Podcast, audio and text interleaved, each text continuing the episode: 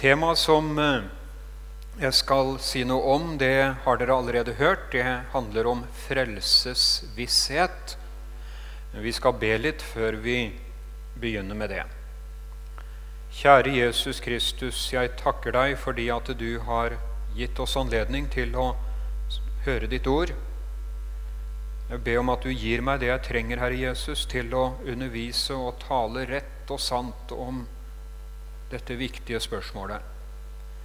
Takk, Herre Jesus, at vi kan få be deg om å åpne hjertene våre og forstanden vår, slik at vi forstår og tar imot og at vi kan få hjelp av det som du vil gi oss gjennom ordet ditt. Gi meg det jeg trenger, Herre Jesus. Gjør det slik at det blir til hjelp for de som hører på. La oss få se hva det vil si å være frelst, og styrk vår tro på deg. Amen. Ja, går det an å vite med sikkerhet at jeg er et frelst menneske? Det er egentlig hva spørsmålet om frelsesvisshet dreier seg om. Og eh, kanskje noen sånn helt umiddelbart reagerer på selve spørsmålet og nesten syns at det er urimelig å stille det. Og om jeg kan vite her og nå at jeg virkelig er et frelst menneske. Er ikke det litt hovmodig, ville noen spørre. Eh, er, det, er, ikke det noe som vi må vente og se til den dagen da, da Gud skal dømme alle mennesker? Blir ikke han som skal vurdere den saken, og så er det ikke sånn at vi da må leve i uvisshet, usikkerhet med hensyn til frelsen, helt til den dagen? Det finnes trosretninger som tenker på den måten. De eh, sier det at eh, nei, du kan ikke vite med sikkerhet at du er et frelst menneske.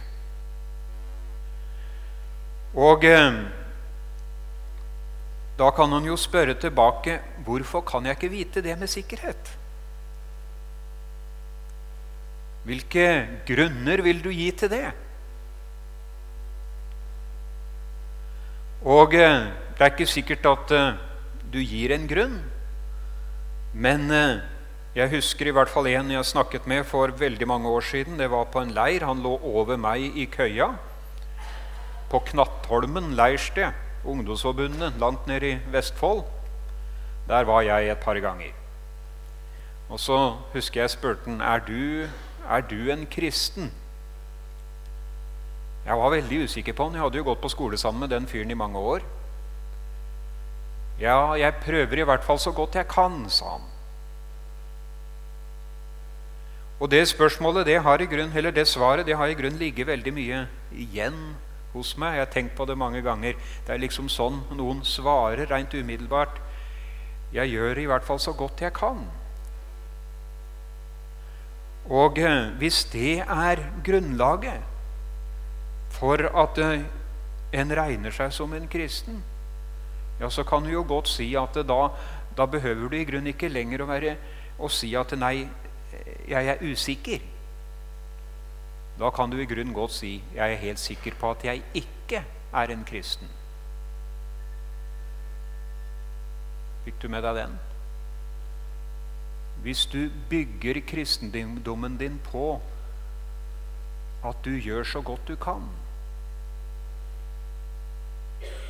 da er du ikke en kristen.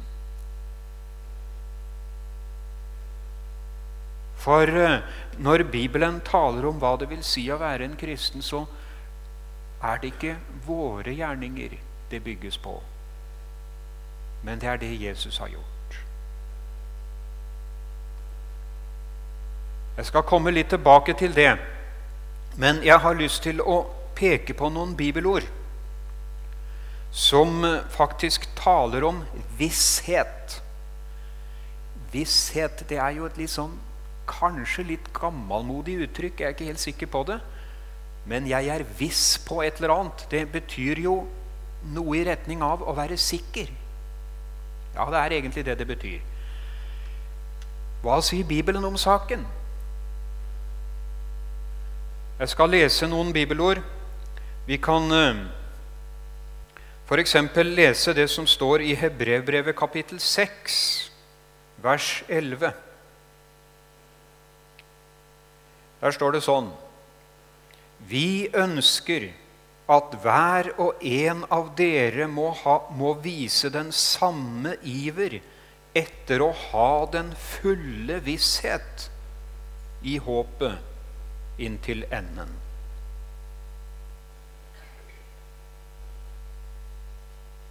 Og så står det noe i Hebrebrevet 3,14. Vi har fått del med Kristus, så sant vi inntil enden holder fast ved den første fulle visshet.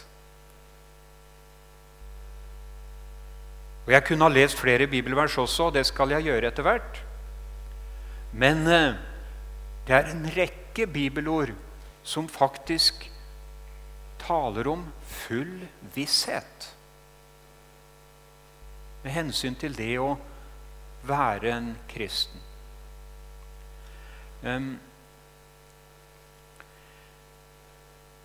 og det som sies, særlig klart i Hebrebrevet 6,11, som jeg leste først, det er det at vissheten det er eh, noe jeg skal få lov til å søke. Bibelen innbyr meg til å søke visshet. Og hvis du sitter her som sier at du kanskje følte deg litt ille berørt av det jeg sa innledningsvis, fordi du ikke føler deg sikker så har jeg lyst til å si Én ting er å være usikker fordi du gjør sånn som min kamerat.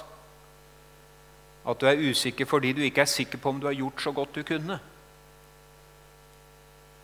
En annen ting er at tvilen hjemsøker deg og plager deg at du har din tro rettet mot Jesus, men så er du ikke sikker på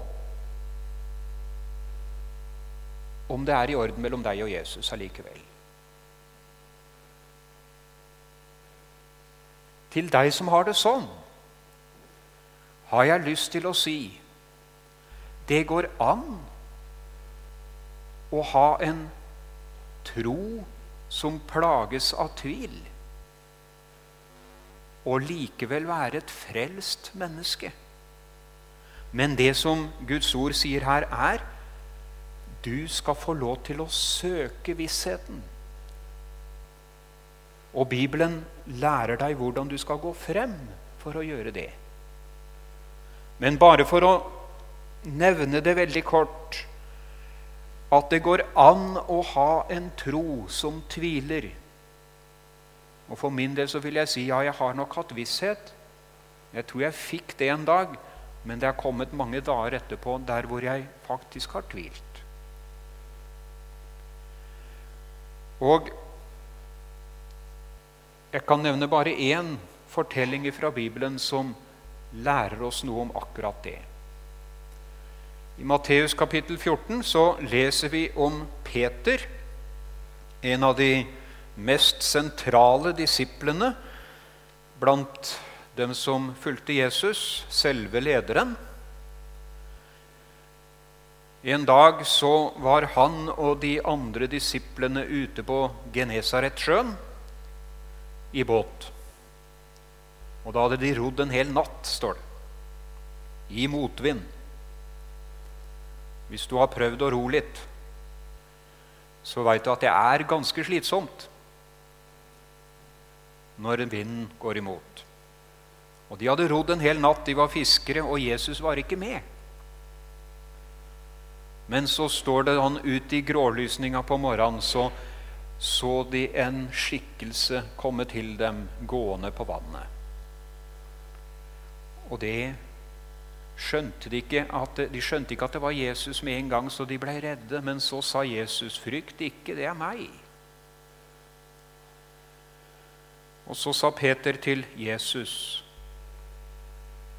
'La meg få komme til deg på vannet.' Og så sa Jesus, 'Kom'. Og så ser jeg liksom for meg at Peter han letter på skjørtene sine, eller hva vi skal kalle det. Og så setter han det ene beinet over båtripa og liksom kjenner på om det holder. Det må jo ha vært en rar situasjon. Og så følger den andre foten med. Og så står han på vannet. Og Jeg skal ikke prøve å gå sånn som Peter antageligvis gikk da, men det må jo ha vært et ganske underlig syn. Og han fikk en enorm opplevelse. ikke sant?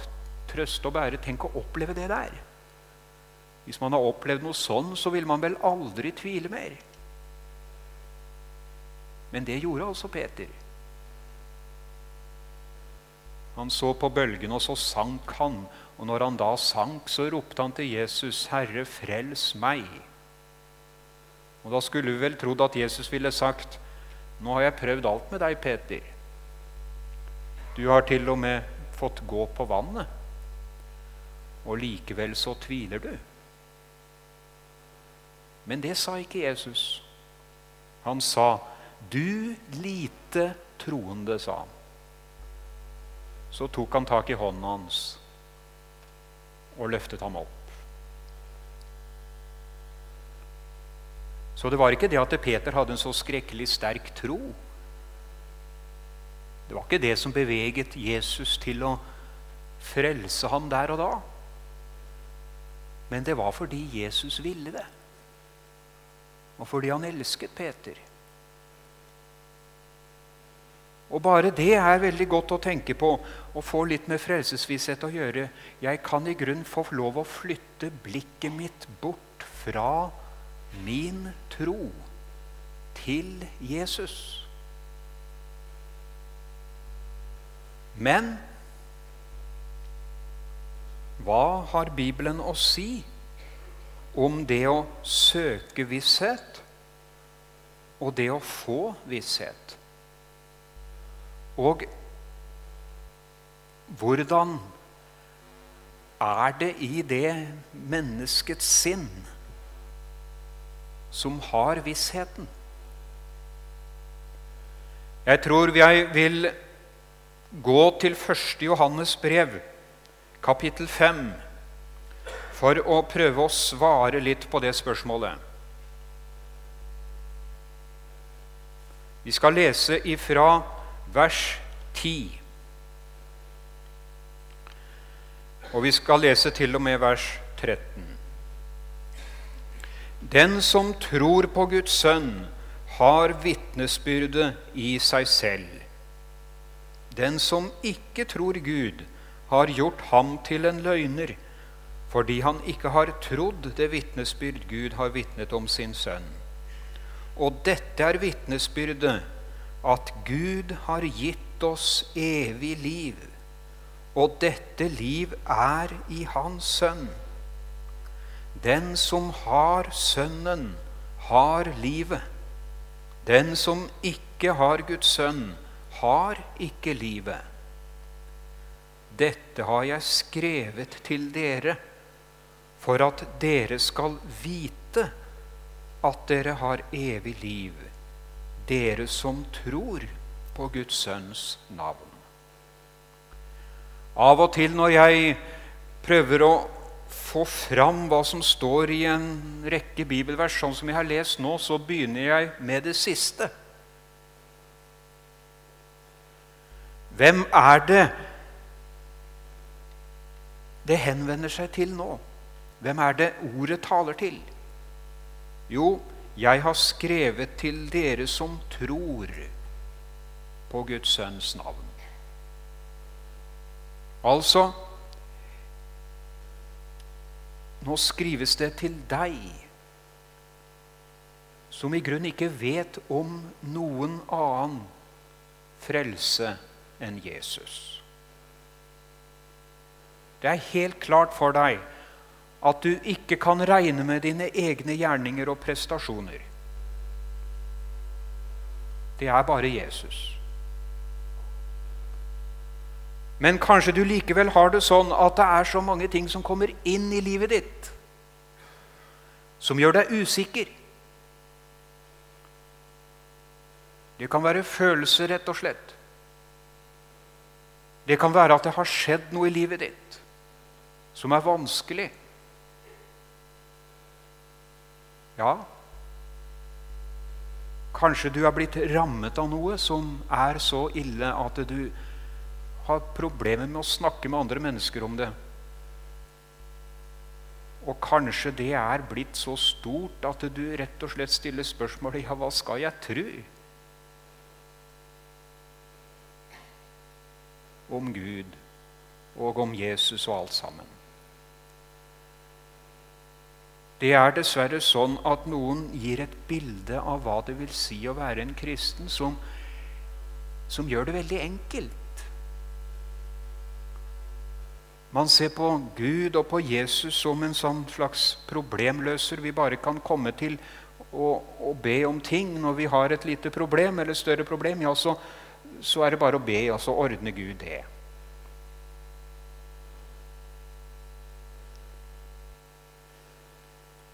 Jeg tror nok det er en og annen som Hvis en da har levd i troen på at sånn er kristenlivet, så, så opplever man noe som tyder på at det, det er ikke sånn allikevel, ja, så, så er det slik at det, det, man, det blir en konflikt mellom det man opplever, og det en gjerne vil tro.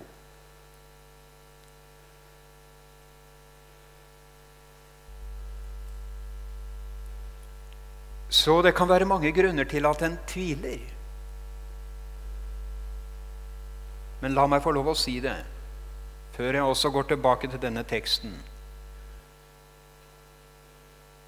Vi blir ikke spart for lidelser og for ting som kan bli vanskelig, sjøl om vi er kristne.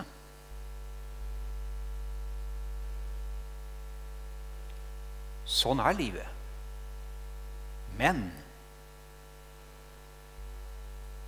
Guds ord har ikke pekt på slike ting. Også den personen som kan si om seg selv ja, jeg, jeg er spart for vanskeligheter.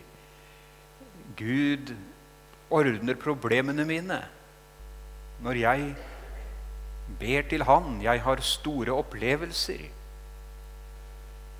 Ja, det kan tenkes at den personen faktisk er i ferd med å bygge på falskt på en falsk grunn. Og når den grunnen blir tatt bort, ja, så hva blir det igjen da? Jeg har skrevet til dere som tror på Guds sønns navn. Og så har han skrevet i en bestemt hensikt. Dette har jeg skrevet til dere for at dere skal vite at dere har evig liv. Altså, Her står det jo egentlig at dersom du skal få visshet om at Gud elsker deg og har gitt sitt liv for deg i Jesus Kristus, så skal du ikke se på dine prestasjoner. Du kan se bort ifra dine opplevelser faktisk også.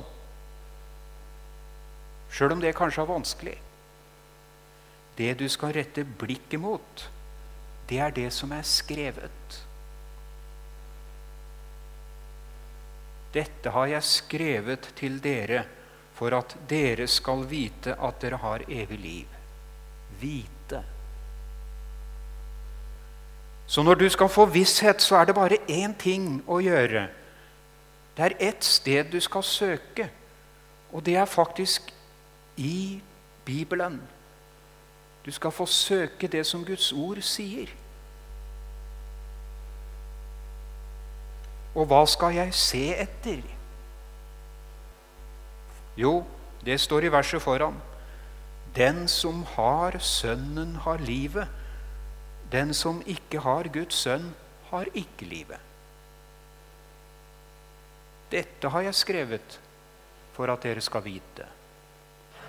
Så her er jo ganske enkelt svaret.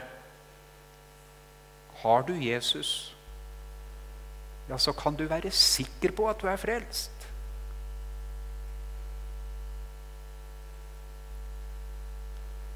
Ja, hvordan går det an? Hva er det som liksom bretter seg ut og, og blir tydelig for oss når vi begynner å lese om Jesus? Jeg har i hvert fall lyst til å si litt om hva jeg har fått se og blitt veldig glad for.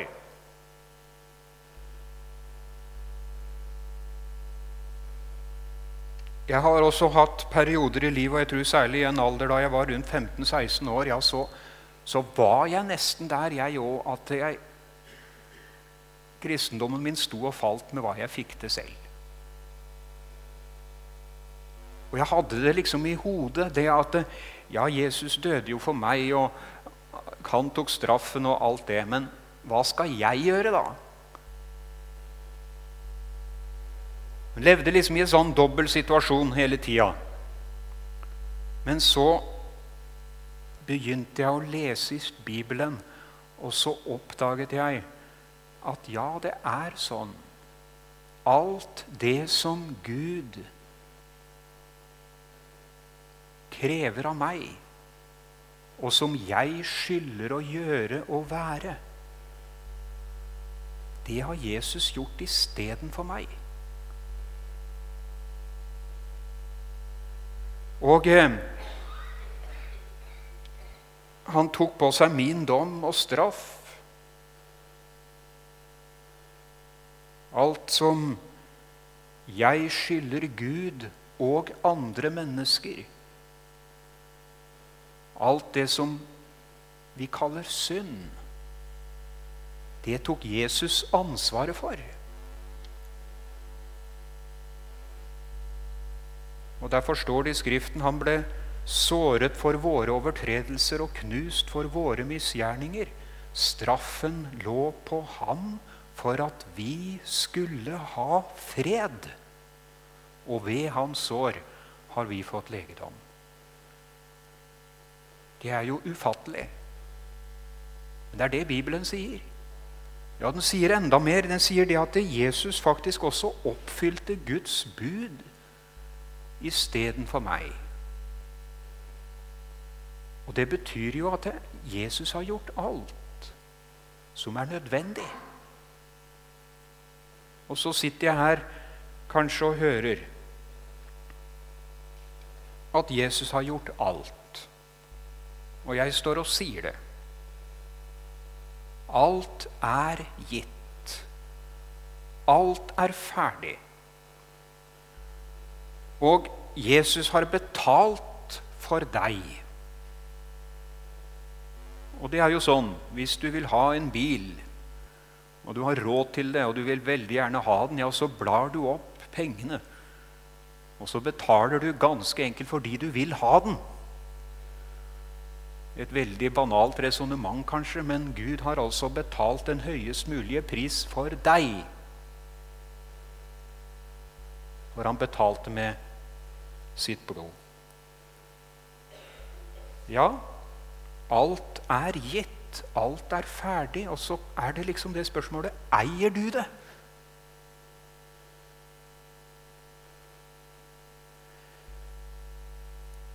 Det er, eh, det er liksom den ene siden med dette som har med frelsesvisshet å gjøre. Det er viktig å rette blikket den rette veien, bort fra meg selv, over på Jesus. Men hva er det som må skje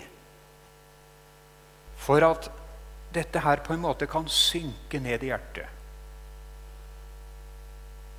Jeg tror at det, det må gis et litt annet svar på det. En ting er å tale om det Jesus har gjort.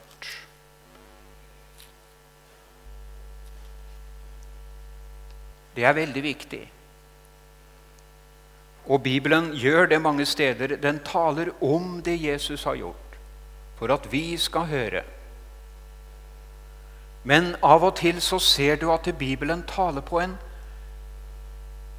på en litt annen måte. Den taler i, i det vi kaller andre person, og sier 'du'. Vet ikke om du har merka deg det? Og For meg så har det vært en stor hjelp å lese de ordene hvor det står 'du'. De er adressert til meg. Og det fins en rekke sånne ord i Bibelen. Vi kan ta f.eks. fra Jesajas kapittel 1, vers 18. Kom og la oss gå i rette med hverandre, sier Herren. Om deres synder er som purpur, skal de bli hvite som snø. Om de er røde som skarlagen, skal de bli som den hvite ull. Dersom dere er villige og hører, skal dere ete landets gode ting. Ja, her taler de annen person flertall, for deg som husker grammatikken. Det er til dere. Guds ord om det Jesus har gjort, det, det kommer til deg. Vi kan gå til Jesajas 43. Der finner vi at det står sånn Vers 24. Du har ikke kjøpt kalmuskrydder til meg for sølv, og ikke mettet meg med dine slaktoffers fett. Du har bare trellbundet meg med dine synder og plaget meg med dine misgjerninger. Ja, det var da litt av en skjønnepreken, sier du da. Her sier Gud at du har plaget meg med dine synder. Og så fortsetter den samme Gud og sier, Jeg, jeg er den som utsletter dine misgjerninger for min skyld, og dine synder kommer jeg ikke i hu.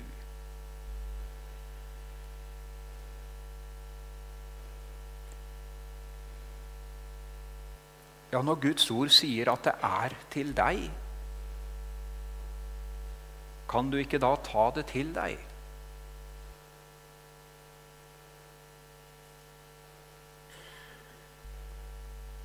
Hør og les.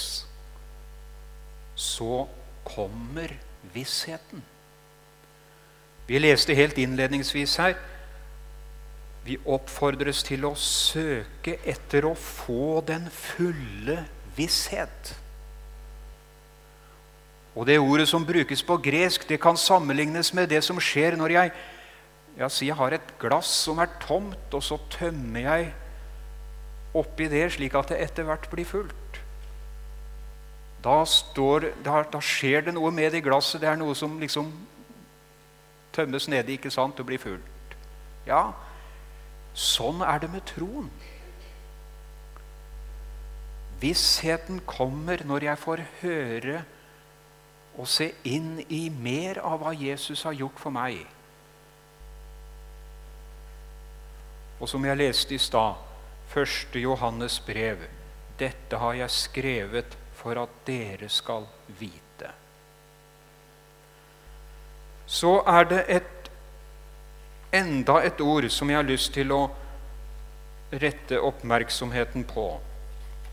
Det står i Romerbrevet kapittel 8, vers 16.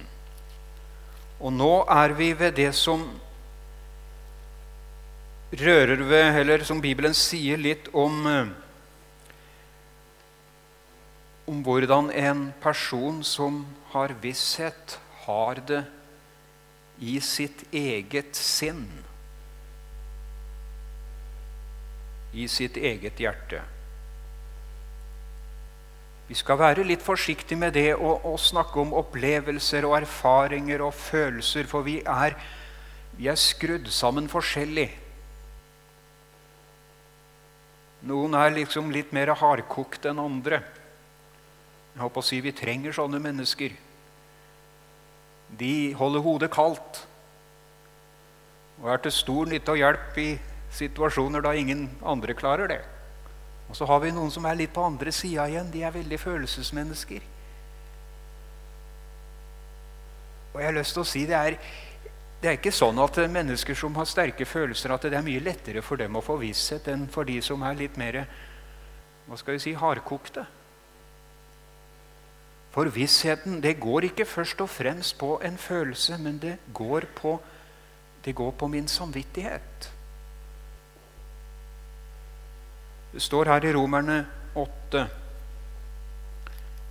Vi kan godt lese ifra vers 15.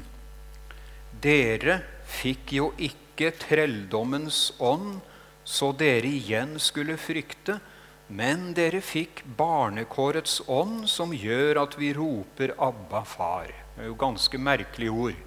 Men det, det er ikke det at vi liksom skal ha en ånd eller mentalitet som, som går på det at jeg er en slave for Gud.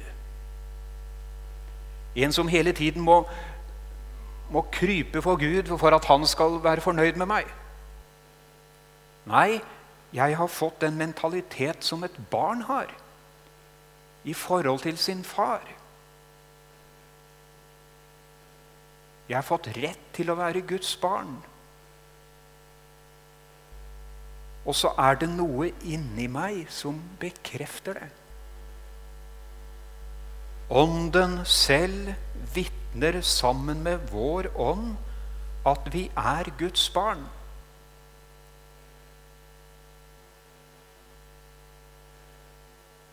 Det er noe her som vi kaller for Den hellige ånds vitnesbyrd.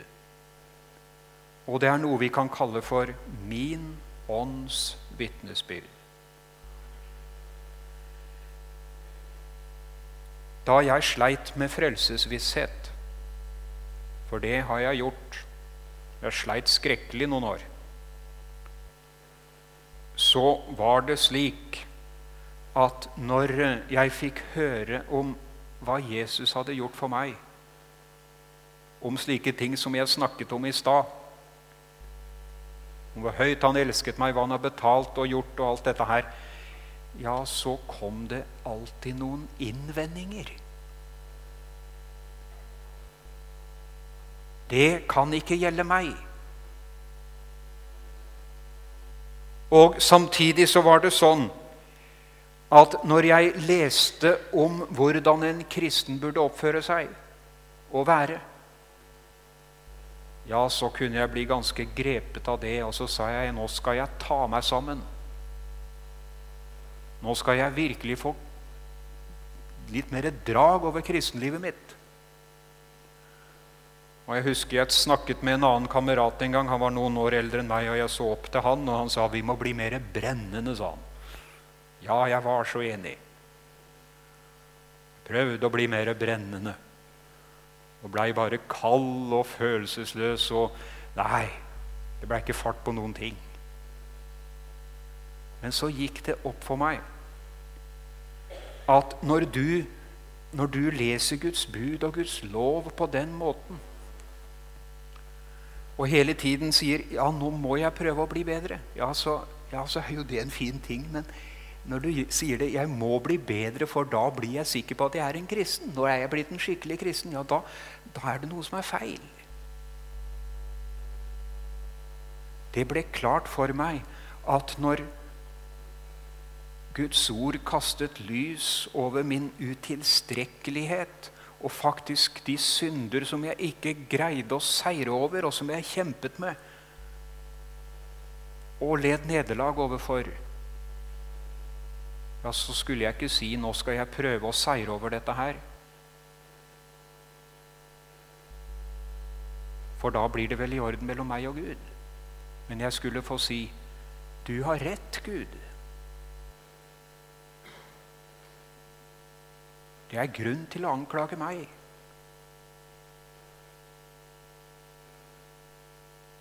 Jeg bøyde meg.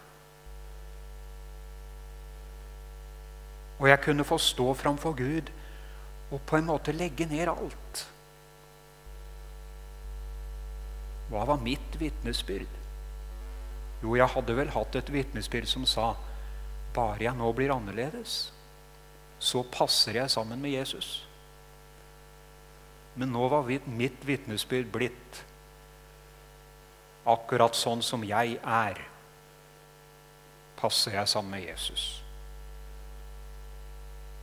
Hvor det står jo at han er kommet for å søke og frelse det som er fortapt.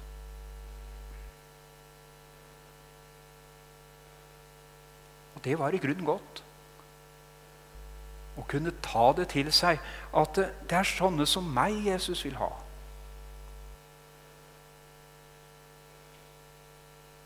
Nettopp fordi det var ting jeg ikke fikk til, og, og, og, fordi jeg rett og slett ikke vant de seire som jeg ønsket.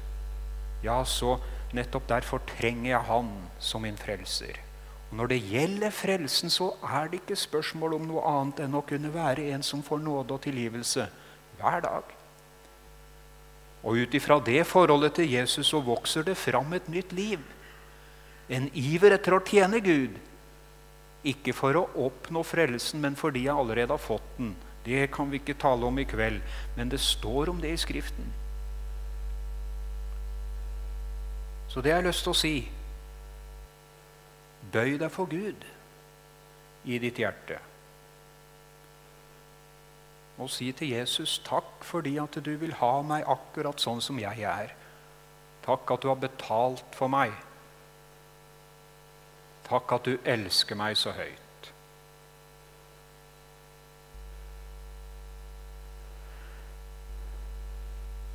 Så kan det vel være med deg av og til som det var med Peter som hadde vært sammen med Jesus ganske lenge og hatt de store opplevelser. Ja, han lå der og ropte i bølgene, og han var full av tvil og angst. Men Jesus ville ha ham. Hold fast ved det når du syns at ikke troen din blir sterk nok. Men jeg tror samtidig vi kan si når du retter blikket mot Jesus, ja, så styrkes troen.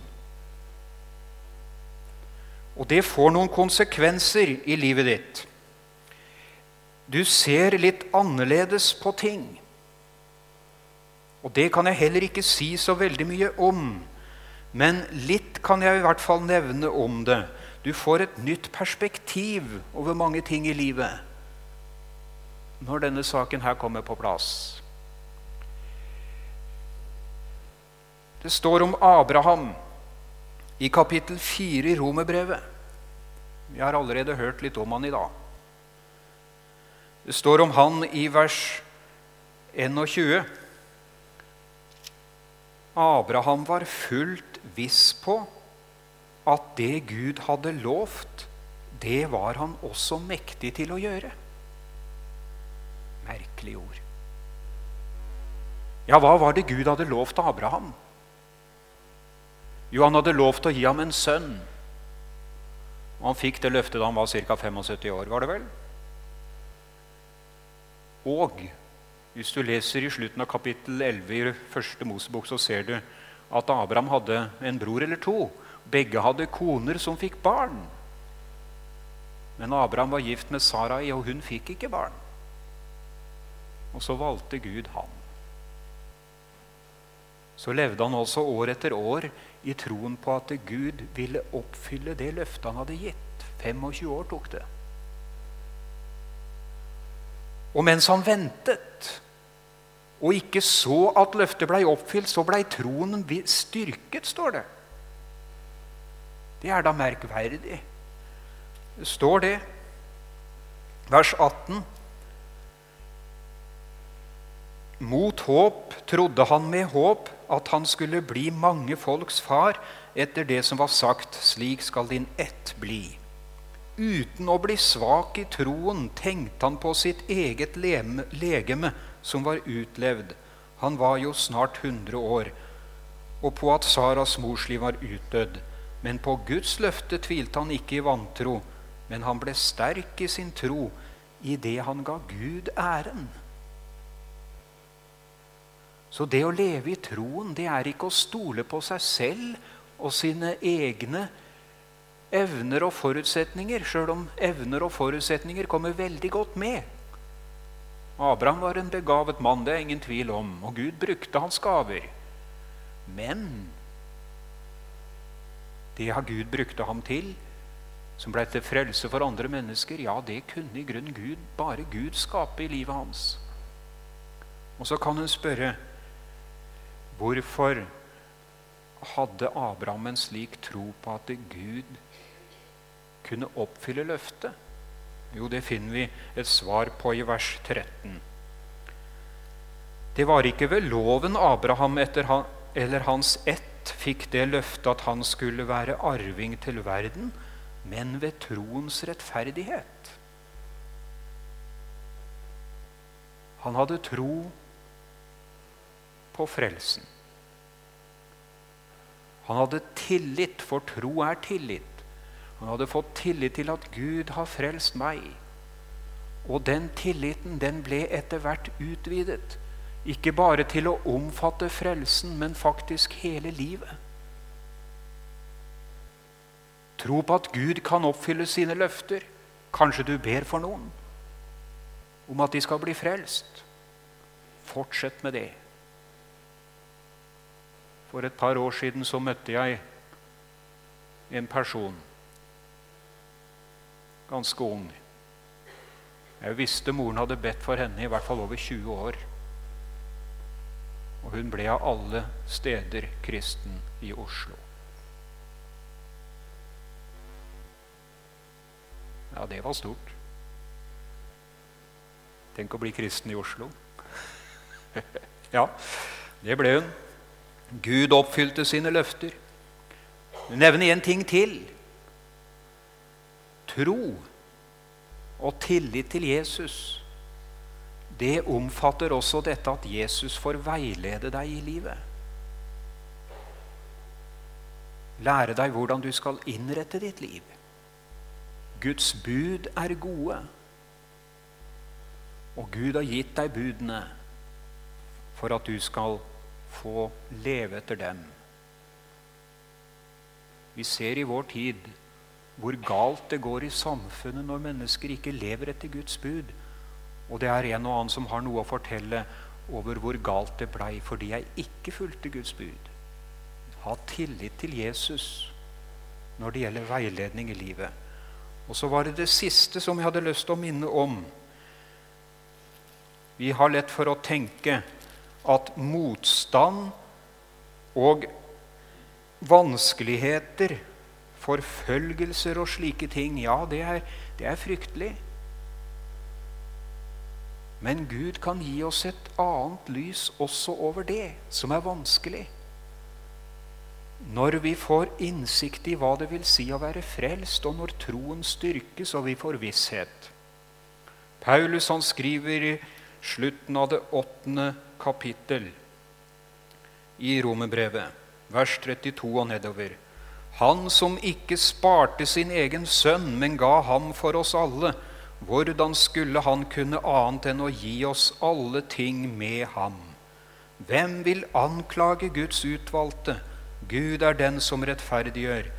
Hvem er den som fordømmer? Kristus er den som er død. Ja, mer enn det, som også er blitt reist opp, som også er ved Guds høyre hånd, som også går i forbønn for oss. Og så kommer det. Hvem kan skille oss fra Kristi kjærlighet? Trengsel eller angst eller forfølgelse eller sult eller nakenhet eller fare eller sverd? Som skrevet står, for din skyld drepes vi hele dagen, vi blir regnet som slakte for. Men i alt dette vinner vi mer enn seier ved Ham som elsket oss. For jeg er viss på at verken død eller liv, verken engler eller krefter, verken det som nå er, eller det som komme skal, eller noen makt, verken høyde eller dybde eller noe annen skapning, skal kunne skille oss fra Guds kjærlighet i Kristus Jesus, vår Herre. Du kan få ha visshet om at Gud vil bevare deg som sitt barn i denne verden. Men du må ikke glemme Han. Hold fast ved Hans ord. Søk inn i Ordet. slik at du får leve i vissheten. Takk, Herre Jesus Kristus, for ditt ord til oss. Jeg ber om at det må bli til velsignelse og hjelp for de som har hørt i kveld. Amen.